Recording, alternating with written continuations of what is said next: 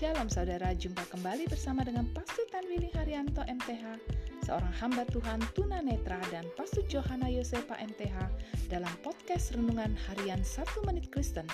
Di dalam podcast ini, kami membagikan kebenaran dari Alkitab yang dimulai dari kitab kejadian sampai kitab Wahyu. Selamat menikmati.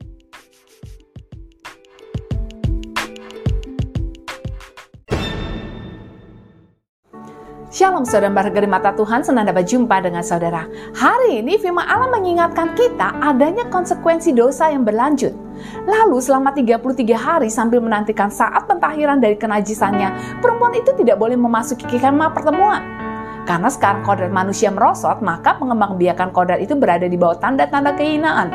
Karena dosa dan kebobrokan yang dikembangbiakan bersamanya. Dan sebagai ingatan akan kutukan terhadap Hawa yang merupakan perempuan pertama kali melakukan pelanggaran.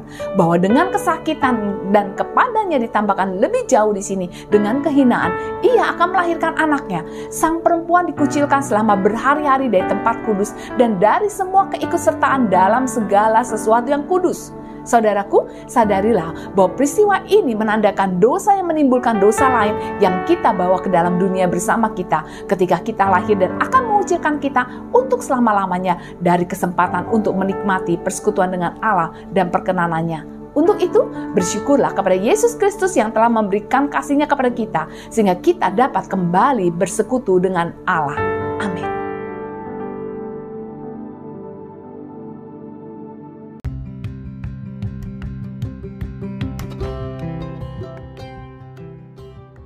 Kasih saudara telah mengikuti podcast Renungan Harian 1 Menit Kristen. Doa kami, kiranya kebenaran yang saudara terima akan membuat saudara semakin berakar di dalam Tuhan dan bertumbuh dan berbuah lebat di dalam Tuhan.